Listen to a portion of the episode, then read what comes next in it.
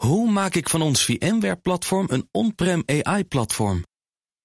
Lenklen, NVIDIA AI Enterprise Partner. Lenklen, betrokken expertise, gedreven innovaties. Tech Update.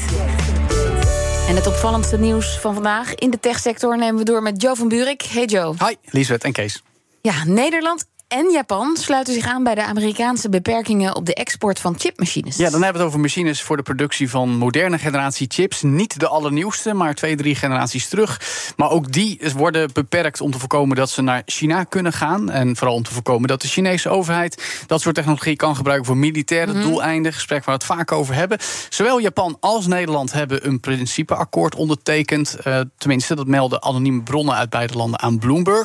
In de komende weken zouden ze daar ook officieel mee naar buiten gaan komen. En daarmee sluiten de landen zich aan bij de maatregelen die de VS Ja. eerder dit najaar al nam. Nou, we hebben het daar geregeld over. Maar juist deze drie landen, Lisbeth, zijn hierbij cruciaal. Eh, omdat volgens eh, experts China dan echt bijna nergens meer terecht kan om dit soort machines te bemachtigen. Het gaat dan natuurlijk om diverse Amerikaanse bedrijven, zoals KLA.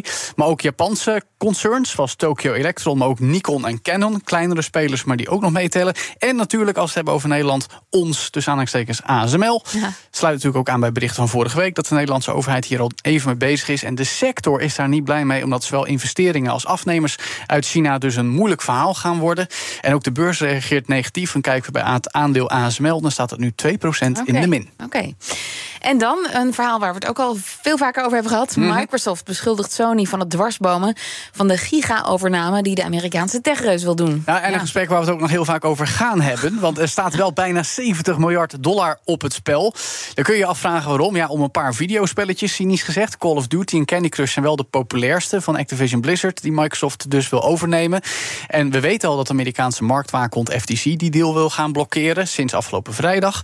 Maar nu zijn ook echt harde woorden van de CEO van Microsoft's game divisie... Phil Spencer, die zegt dat Sony de dominantie... op het gebied van spelcomputers wil beschermen.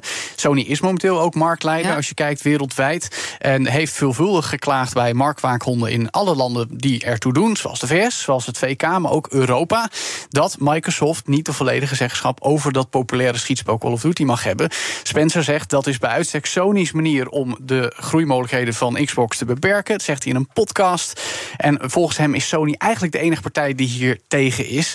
Ik denk dat we het hier nog vaak over zullen hebben de komende tijd. Misschien ook wel deze week. Want juist nu zit die rechtszaak van FTC in de lucht. Ik zag trouwens dat ehm, eh, alle Call of Duty games samen zijn zo goed voor 400 eh, miljoen dollar aan, aan, aan, aan omzet. Dus, Minimaal. Ja. dus dat snap ik dan wel, dat je dat graag ook op je eigen console ja, wil ja, houden. ja, ja, ik denk dat dat alleen maar over de afgelopen jaren gaat. Ik denk dat de omzet in de vele miljarden loopt als het gaat om Duty. Laten we nog even tot slot naar een digitale blunder gaan bij de internationale tafeltennisbond. Ja, nou, de ITTF heeft een blunder begaan, want paspoorten en vaccinatiebewijzen van honderden professionele tafeltenners zijn gelekt. Omdat kopieën onveilig online werden opgeslagen en bijna drie jaar lang door iedereen te zien en te downloaden waren. Drie jaar lang ook. Drie jaar lang, dat is nogal een flinke overtreding van privacywetgeving, in ieder geval voor Europa. Het gaat onder meer om de wereldkampioen Van Zendong en ook de Olympisch kampioen Ma Long uit China allebei. Maar ook Nederlandse spelers zoals Brit Eerland eh, zijn getroffen, blijkt uit onderzoek van RTL Nieuws. Vooral met vaccinatiegegevens hebben we het dan echt over Ja. gevoelige info. En ja, kopieën van paspoorten kunnen natuurlijk misbruikt worden voor identiteitsfraude, vooral door criminelen gewild. Zo zie je maar, Lisbeth, achterloos maar onveilig gegevens opslaan, dat stuitert altijd in je gezicht. Als een pingpongballetje. Precies. Dankjewel, Joe van Buurik. De BNR Tech Update wordt mede mogelijk gemaakt door Lenklen. Lenklen. Betrokken expertise, gedreven resultaat. Hoe maak ik van ons VMware-platform een on-prem AI-platform? Lenklen. NVIDIA AI Enterprise Partner. Lenklen. Betrokken expertise, gedreven innovaties.